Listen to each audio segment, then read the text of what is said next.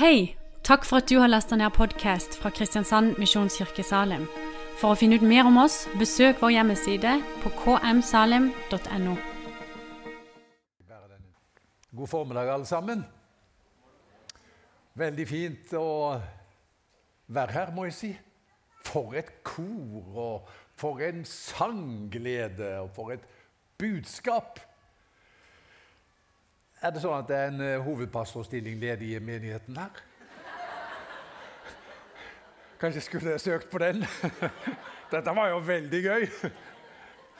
Nei, eh, nå er jeg blitt pensjonist eh, og er veldig tilfreds med det. Det er sånn det skal være. Jeg kom til å tenke på det I Amerika var det en kar som het Peter Wagner. Han var kirkevekstforsker og Eh, undersøkte den fenomenale kirkeveksten i Latin-Amerika blant eh, pinsevenner. Og Så skrev han en bok om dette som han kalte eh, 'Se opp, pinsevennene kommer'. Jeg har tenkt eh, at jeg skal skrive en eh, bok, jeg også. Den skal hete 'Se opp, pensjonistene kommer'. har jeg tenkt. Så får vi se. Det er noe som heter pensjonist power, vet du. Og det skal bli interessant. Ok. Eh, spøk til side, får jeg si. Eh, vi skal eh, ha et tema i formiddag. Begynne en taleserie som Bjørn Stian eh, fortalte. Over de ti bud. Vi har kalt denne taleserien 'Et eh, annerledes folk'. Og Jeg skal lese et uh, ord fra 1. Johannes brev, kapittel 5 og vers 3, som kan være en slags innsteg i dette temaet. Der står det i Jesu navn Å elske Gud er å holde Hans bud, og Hans bud er ikke tunge. Amen. Herre, takk for det vi har vært med om så langt i gudstjenesten. Og så legger vi også resten av samværet og forkynnelsen nå i dine hender. Vi takker deg for at du vil tale til oss gjennom ditt ord. Amen. Er det mange av dere som eh, husker Luthers lille katekisme? Få se. Ja, det er jo en del. Og så Ikke overraskende er det en del, ikke minst de på første benk her, de ser nokså spørrende på meg når jeg snakker om Luthers lille katekisme, og det er forståelig. Det er forståelig. For i dag er det knapt noen som kjenner den, og en, i enda mindre grad da selvfølgelig leser eller studerer den. Men vet dere det, for inntil et par generasjoner siden så gjorde norske myndigheter alt de kunne for at folk skulle lære seg Luthers lille katekisme. Det var Norges viktigste bok jeg tror i flere hundre år. Alle norske barn leste den. Ikke bare det, de pugget den til den satt som spikret. Så sent som på 1960-tallet så var det en pensum på norske skoler. Jeg begynte på Gard skole i Haugesund i 1963. Og så snart jeg hadde lært å lese, så fikk jeg Luthers lille katekisme i hendene, jeg også. Og vi lærte de ti bud, trosbekjennelsen og Fader vår. Vi lærte om dåp og nattverd og forskjellige bønner vi kunne be. For et gedigent nasjonalt disippelgjøringsprosjekt, egentlig, når vi tenker over det. Ikke alle fikk tak i det like godt. Altså, det var jo en lærer som skulle høre klassen sin i budene. da, og Han spurte kan dere budene nå. Så var det en som rakk opp hånda og sa ja, du har ikke lov til å lyge. sa han. Ja, ja, det var ordlyden var det så og så, så, men greit. Noen andre bud? Ja, du har ikke lov til å stjele. Nei. Andre bud, da? Ja, du har ikke lov til å bryte ekteskapet. Ja vel. Men hvis vi skal oppsummere budene, hva blir det, da? Og da var det en, en, et lyst hode som sa ja, det må jo da være Du har ikke lov til noe. Så han hadde jo liksom ikke oppfatta dette her helt greit, kan du si. Eh, men selv om han ikke fikk tak i alt, så må vi si at disse århundrene med Martin Luthers lille katekisme la en grunnmur for livet for generasjoner. Det ble instrumenter til å navigere med. Et lim som holdt folket sammen. Vi hadde et felles verdigrunnlag. I ordspråkene 1434 står det 'rettferdighet løfter et folkeslag'. Så alt dette ble da omsnudd i, eh, på 60-tallet. Og jeg vet vel ikke om vi bare kan skylde på Beatles heller, men det var nå da det skjedde. Ok, Hva er eh, status i Norge i dag, da? Norge og den vestlige verden har for lenge siden nå da kuttet fortøyningene til kristen tro og kristne verdier. Det kjenner vi til. Og vi tilhører en sivilisasjon som er i drift. Vi må egentlig langt tilbake i tid for å finne et Norge som er mer gudløst enn det som eh, er tilfellet i dag. Trosbekjennelse og bud har man vendt ryggen til, og nå er det typisk for tidsånden. Nei, jeg spiller ikke etter noter. Jeg jammer, improviserer, spille fritt. Vi lever da i 2022. Evangeliet er jo 2000 år gammelt. Og budene, er ikke de 3000 år gamle, da? Verden går da fremover. Ja, hvordan går det så med framdriften i Norge? Selvfølgelig. Mye er godt. Kan vi være enige om det? Vi er glad i landet vårt og folket vårt, og mye er godt. Og Samtidig så er det altså røde varsellamper som blinker. Det kjenner vi til. Vi skal ikke bruke mye tid på det, men bare så vi liksom har det som et bakteppe. Vet du, I fjor ble det anmeldt 280 000 lovbrudd i Norge. Det er ganske mye. Det er 767 hver dag. Det er 32 i timen lovbrudd. I fjor ble det utført eh, 10 000 aborter. Og eh, Stein Olsson, som er medlem hos oss, eh, eh, gjorde oss nettopp oppmerksom på at abortpillen avslutter også 10 000 liv hvert år. Nær 9000 ekteskap ble oppløst, og 9000 ble separert. Dette er tall, men bak det er det mye smerte. Det skulle være naturlig å elske livet, men i 2021 var det 658 personer som avsluttet livet for egen hånd. 15% av befolkningen sliter til hver tid med depressive symptomer. og 10% har en eller annen gang i livet vært utsatt for voldtekt. Det er, det er Norge i dag. Og Da har jeg før som dere kjenner til, sitert Per Fugelli, som uh, sa og Han siterte vel egentlig Shakespeare, uh, selv om Shakespeare snakket om Danmark. Men Fugelli sa 'something is rotten' in the state of Norway. Vi har brukt opp den kristne arven, og da er spørsmålet hvor skal den moralske kapitalen nå hentes fra? Det er et, interessant spørsmål. Ok, Det er liksom i landet. Hvordan er det i menighetene, da? I kirkene i landet vårt, og kanskje i den vestlige verden i det hele tatt. Vet dere hva? Der har det også vært et kursfall i forhold til klassiske kristne verdistandpunkt. De ti bud forkynnes i liten grad. Jeg måtte tenke på det. Jeg har jo vært predikant i mange år. Har du, Geir, noen gang holdt en taleserie over budene? Og jeg måtte tenke Nei, det har jeg visst aldri gjort. Det er første gang du skulle bli pensjonist, altså. Før du kom dit. Hm, det var litt, det var litt uh, å tenke på for meg, da. Eh, kan vi budene? Det femte bud Jeg skal ikke be om håndsopprekning. Det syvende Hva med det åttende, da? Kan vi det? Nei, vi, vi kan dem ikke så godt. Og vi lever ikke i samklang med dem heller. Det er i USA et velrenommert institutt som heter Barna-instituttet, som har gjort undersøkelser om forskjellene på hvordan kristne lever og ikke-kristne lever. Og vet du at det, det er ikke så store forskjeller lenger. Prosentandelen kristne og ikke-kristne som ser på pornografi, f.eks., er lik for kristne og ikke-kristne, sier dette instituttet. Det samme gjaldt med hensyn til å si nedsettende ting om personer som ikke er til stede. Likt for kristne og ikke-kristne. Å fortelle noen en usannhet samme skår. Ta hevn, gjøre gjengjeld, ha sex utenfor ekteskapet, drikke så mye alkohol at man er blitt eh, beruset. ta noe som ikke tilhører meg, laste ned musikk uten å betale for det. Det er likt mellom kristne og ikke-kristne. Og Barna-instituttet konkluderer. Tro på Jesus handler jo ikke bare om teologiske ideer, andre enn folk flest. Men tro på Jesus handler jo om å være et forvandlet og annerledes menneske.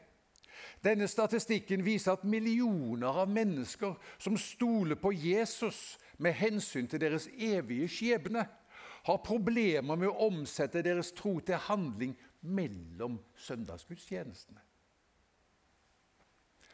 Norske undersøkelser tyder på det samme. dere. Båndene mellom tro og levesett er kutta. Har dere hørt om Magnus Malm?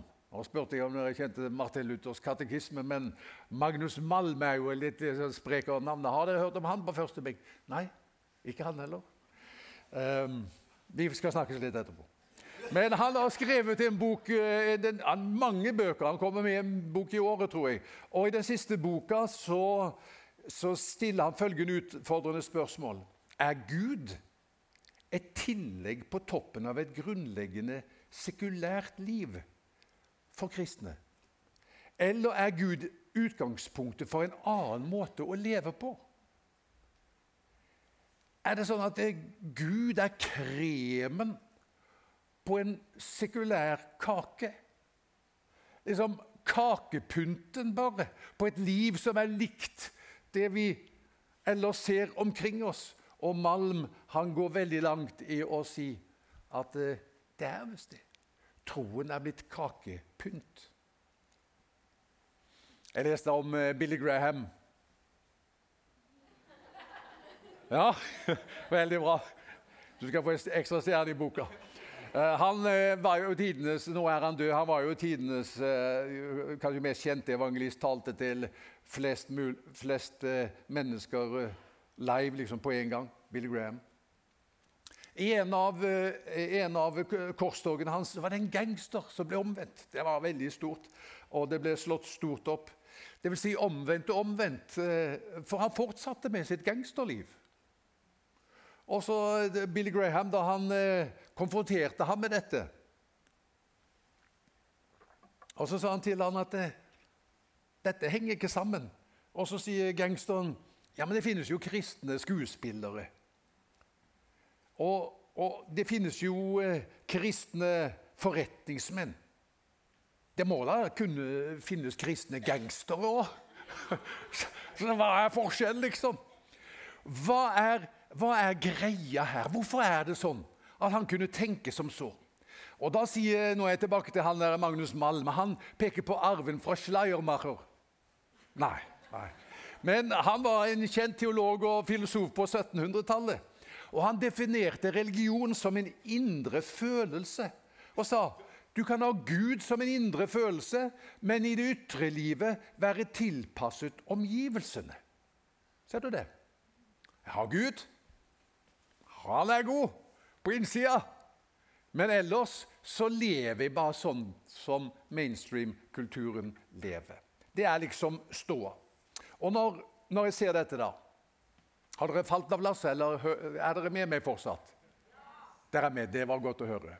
Nå skal dere høre. I denne situasjonen, med dette bakteppet, så tenker jeg at det Norge trenger, det er old time religion. Har dere den på repertoaret?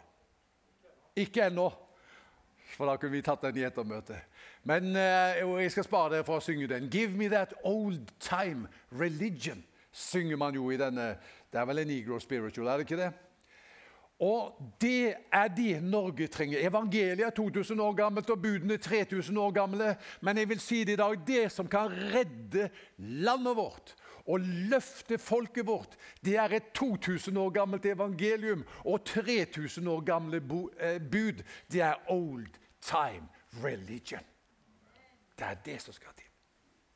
Men det aller meste og, og, La meg si det sånn Hjertet i old time religion det er jo evangeliet om Jesus. Det må vi bare slå fast med en gang. Hjertet i old time religion er evangeliet om Jesus. Dere vet at Med det aller meste av det vi kjøper, så følger det bruker håndbøker. Og Jeg tenkte jeg skulle tatt med meg et knippe av dem, uh, for de har jeg mange av. Og de er de beste bøkene som jeg i grunnen aldri har åpnet. Si. Det er brukerhåndbøker til forskjellige ting. For eksempel, jeg kjøpte akkurat en motorsag. Det var en tjukk brukerhåndbok som fulgte med den. Jeg angrer på at jeg ikke eh, leste litt i den, for at, eh, nå har jeg ødelagt både kjedet og, og, og sverdet. Og eh, De sa på eh, Bondekompaniet at de må vente helt til jul faktisk for å få nytt sverd. For, fordi det er lite stål på markedet. Så nå kan jeg angre på det at jeg ikke leste brukerhåndboka. Vel, budene, det er Guds brukerhåndbok. Kan vi si det? Brukerveiledning til livet. Budene. De ti bud. Det er skaperens oppsummering av hvordan vi skal leve. Følg dem, sier han, så vil du vokse og blomstre. Ignorer dem, og du vil synke sammen og visne. For det er sant, ingen kan bryte Guds bud uten selv å bli brutt. Sånn er det. Fordi de er så tett bundet sammen med hvordan vi er skapt, og hvordan livet er ment å skulle leves.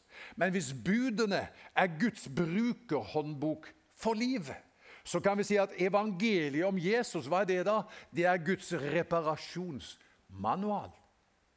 Vi trenger brukerveiledningen, men dere, vi er alle i en situasjon der vi også trenger reparasjonsmanualen når ting har gått galt. Og det har det i landet vårt. Noen hørte en mann be følgende bønn i ettermøtet. Han sa, 'Kjære Gud, jeg har ikke vært så heldig med den første fødselen du ga meg.' Kan du gi meg den andre fødselen som om predikanten snakker om? Det er fint sagt. Jeg har ikke vært så heldig, jeg kom litt skjevt ut når det gjelder den første fødselen. Takk for at det går an å bli født på ny. Jeg husker jo som ung evangelist. Jeg starta jo som evangelist, og så har jeg vært pastor og evangelist i mange år. Nå skal jeg avslutte som evangelist, har jeg tenkt, helt til Jesus henter meg hjem eller setter meg på gamlehjemmet, en av delene. Så skal jeg være evangelist. Og, eh, men jeg husker da i 1980 var jeg evangelist i Drøbak. Og Vi sto på stand, det gjorde vi før i tida. Delte ut traktater. Og, men det var, folk gikk liksom en lang omvei, så fant jeg ut skal jeg få kontakt med dem. Så må jeg rope til dem. Så var det en dame som kom over torget der i Drøbak sentrum. Jeg ropte til henne 'Vil du bli født på ny?' ropte jeg til henne. Og så, og så stoppa hun opp. Og så så hun ble så tankefull i blikket. Og så sier hun til den unge evangelisten 'Den som bare kunne blitt det' og så gikk hun videre. Jeg har ikke glemt det. Den som bare kunne bli født på ny. Men det går vel ikke an? Jo, det gjør det. Har du brutt budene? Du kan ha brutt mange bud. Det kan ha vært store fall, liksom. Men hør det, Gud har ikke bare gitt oss en brukerveiledning, men han har også gitt oss en reparasjonsmanual. Og Han sier at har livet gått i stykker for deg, så er det et sted du må komme. Og det er til Jesus, som døde for deg på korset og sto opp igjen for å gi deg et nytt liv. Det finnes en kilde som kan vaske deg helt ren, så du blir født på ny og får ikke bare en ny start i livet, men et nytt liv å starte med. Det er et vers i Bibelen jeg er veldig glad i, og det er i Lukas 7, 47. Der står det om en kvinne. Hun har fått sine mange synder tilgitt. Derfor viser hun så stor kjærlighet. Og Når jeg husker Lukas 7, 47, så er det noen av dere som har hørt meg før, som vet at det minner meg, og kanskje noen andre også, som er interessert i litt luftfart Det minner meg, Ikke er så interessert i luftfart for øvrig, men, men jeg har nå flydd litt. Grann, da. men det minner meg uansett Lukas 7, 47 om Boeing 747. Ok? Hva er det? Det er et stort fly. Det er et av de største. Det har et vingespenn på 64 meter. Et passasjerantall på 524. En marsjfart på 900 km i timen. Og det flyet, det kan på noen timer ta deg inn i en helt ny verden. Hvis du går om bord i det flyet Boeing 747 på Gardermoen, kan, du, kan det sette deg av i nærheten av Gardasjøen. Da kommer du til et land med et annet klima, et annet språk en annen livsstil. Det samme kan vi si om Lukas 7, 4, 7. Hvis du går om bord i Lukas 747, som handler om syndenes forlatelse, så går du om bord i et fly som tar deg inn i en ny verden. Og i denne nye verden er det tilgivelse for syndene. I denne nye verden får du et nytt liv. Du er fri fra fortiden. Det gamle er utslettet. Og så får du liksom lære en ny måte å leve livet på. Gud er nådig Gud.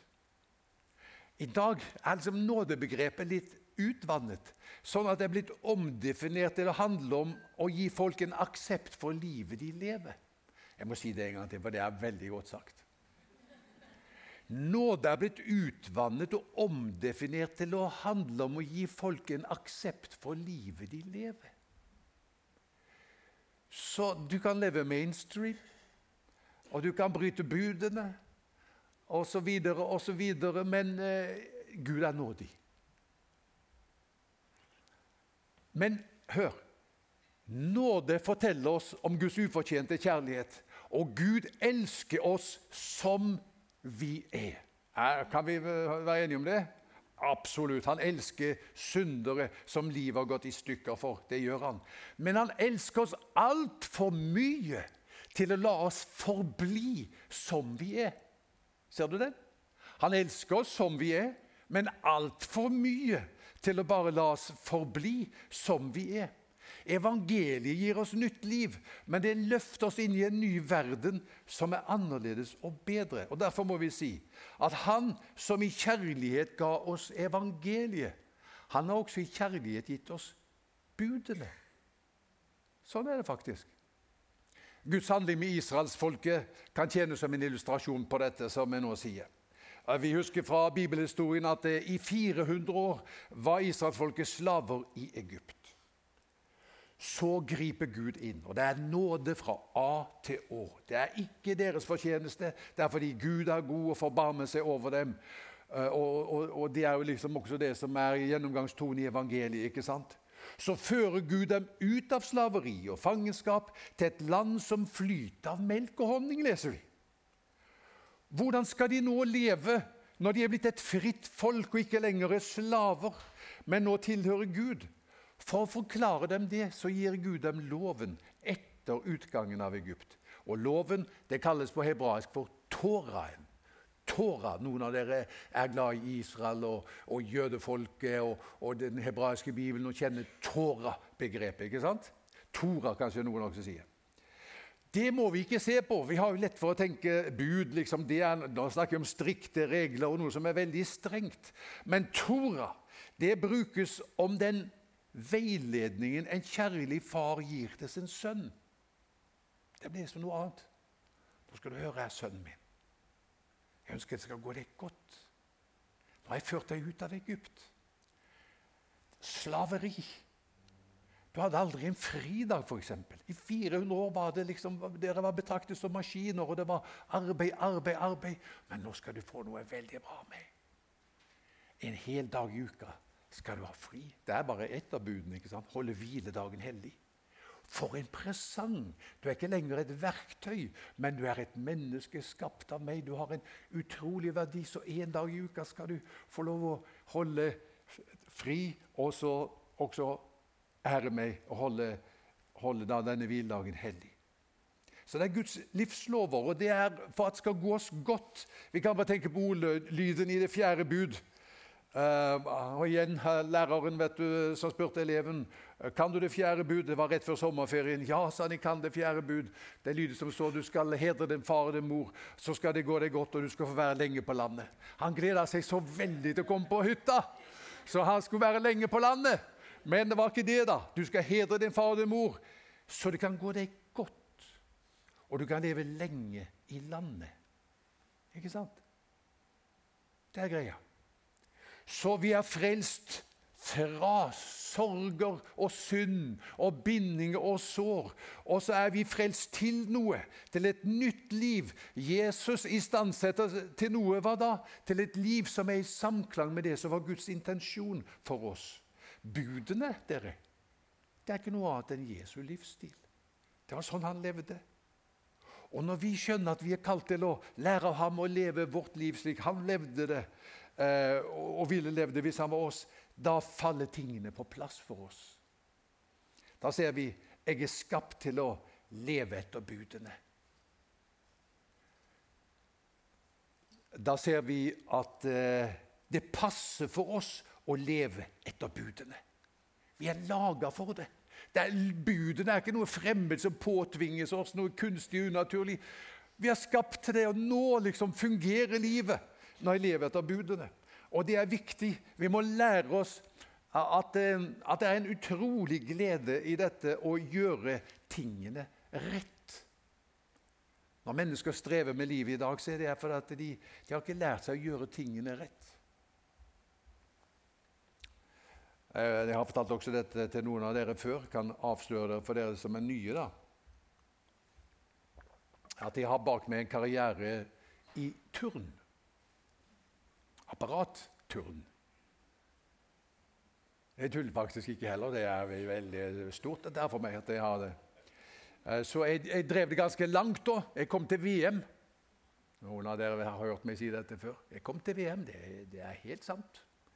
VM det betyr vestlandsmesterskap. Sant? Og eh, der fikk jeg en femteplass. Det er ikke så dårlig, det gjelder i VM. Nå var det bare fem i min klasse, da, kan du si. Uh, I klassen 12-13 år, så det var sisteplass i VM for Geir Johannessen. Og da var det at jeg strevde sånn med å gjøre tingene rett.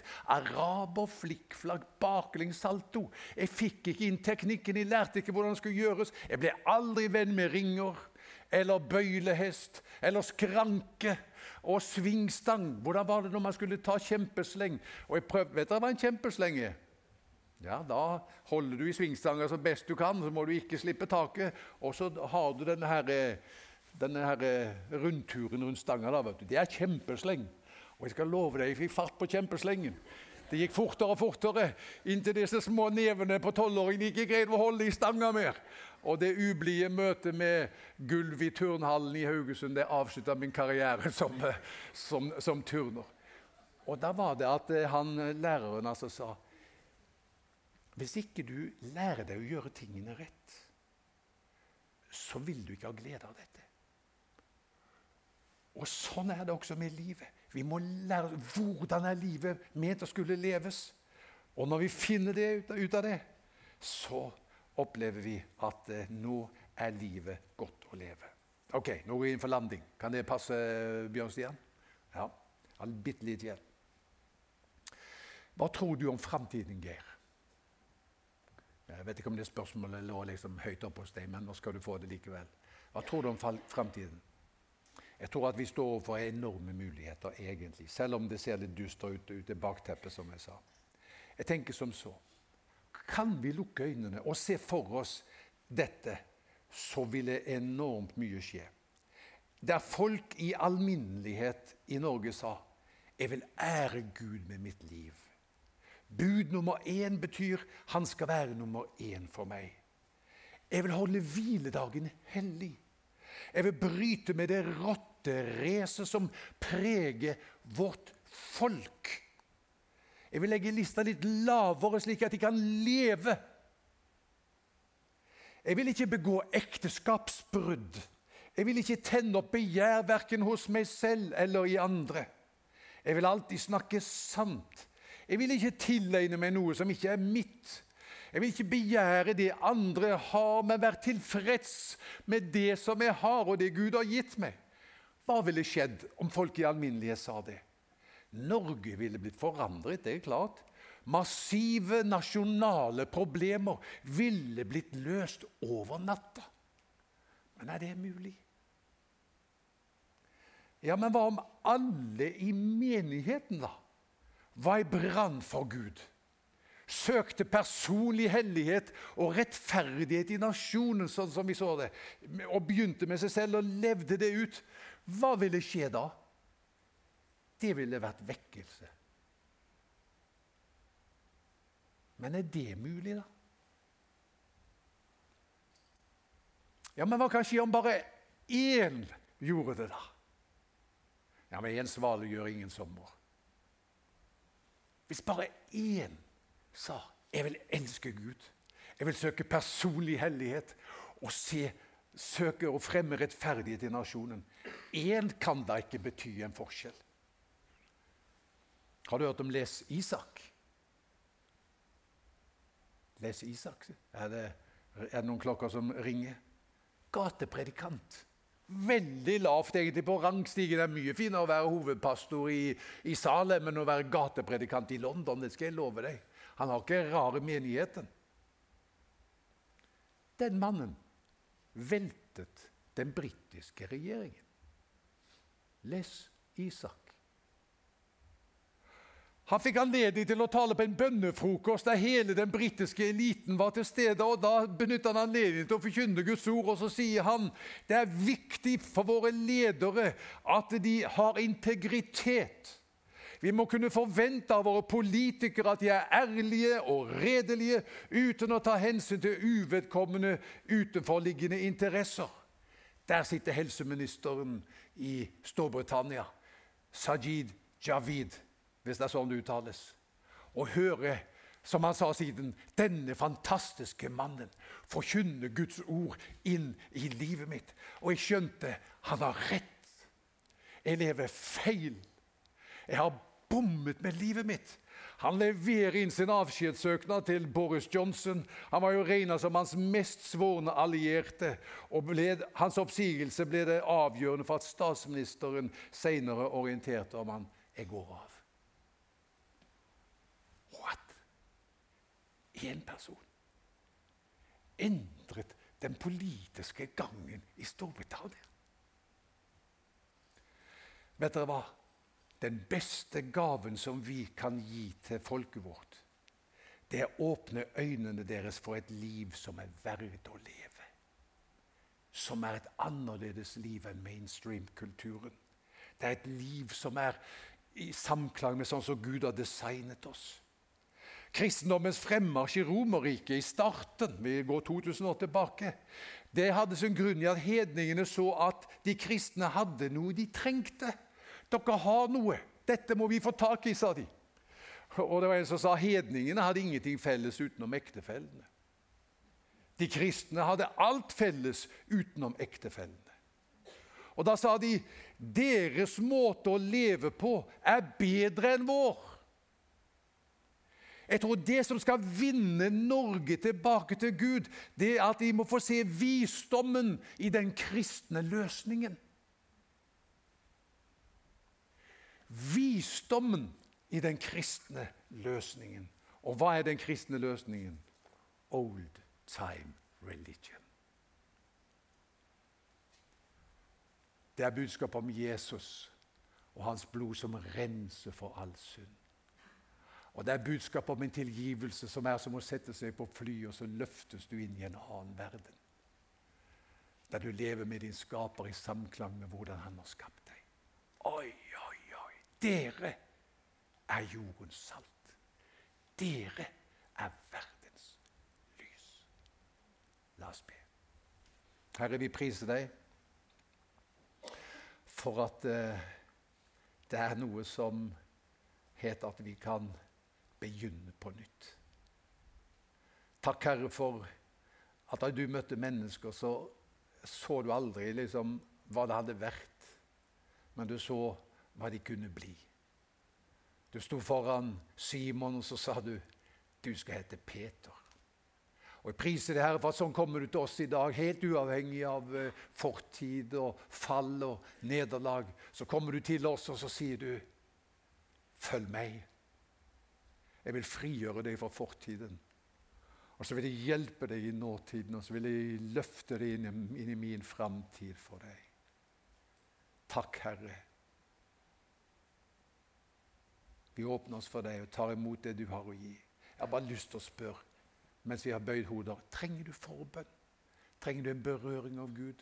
En fylde av Guds ånd til å gå inn i dette som han har? Trenger du tilgivelse? Kan du rekke opp en hånd, og så skal vi be for deg? Bare ganske kort. Ja, Gud velsigne deg. Var deg. Gud velsigne dere. Jeg ser ikke alle, men jeg ser det flere som rekker opp hendene. Ja, vi ber for de som har rakt opp hendene, Herre. Vi ber at du skal uh, gi dem nåde og sette dem på skinnene av et nytt og spennende liv med deg. I Jesu navn. Amen.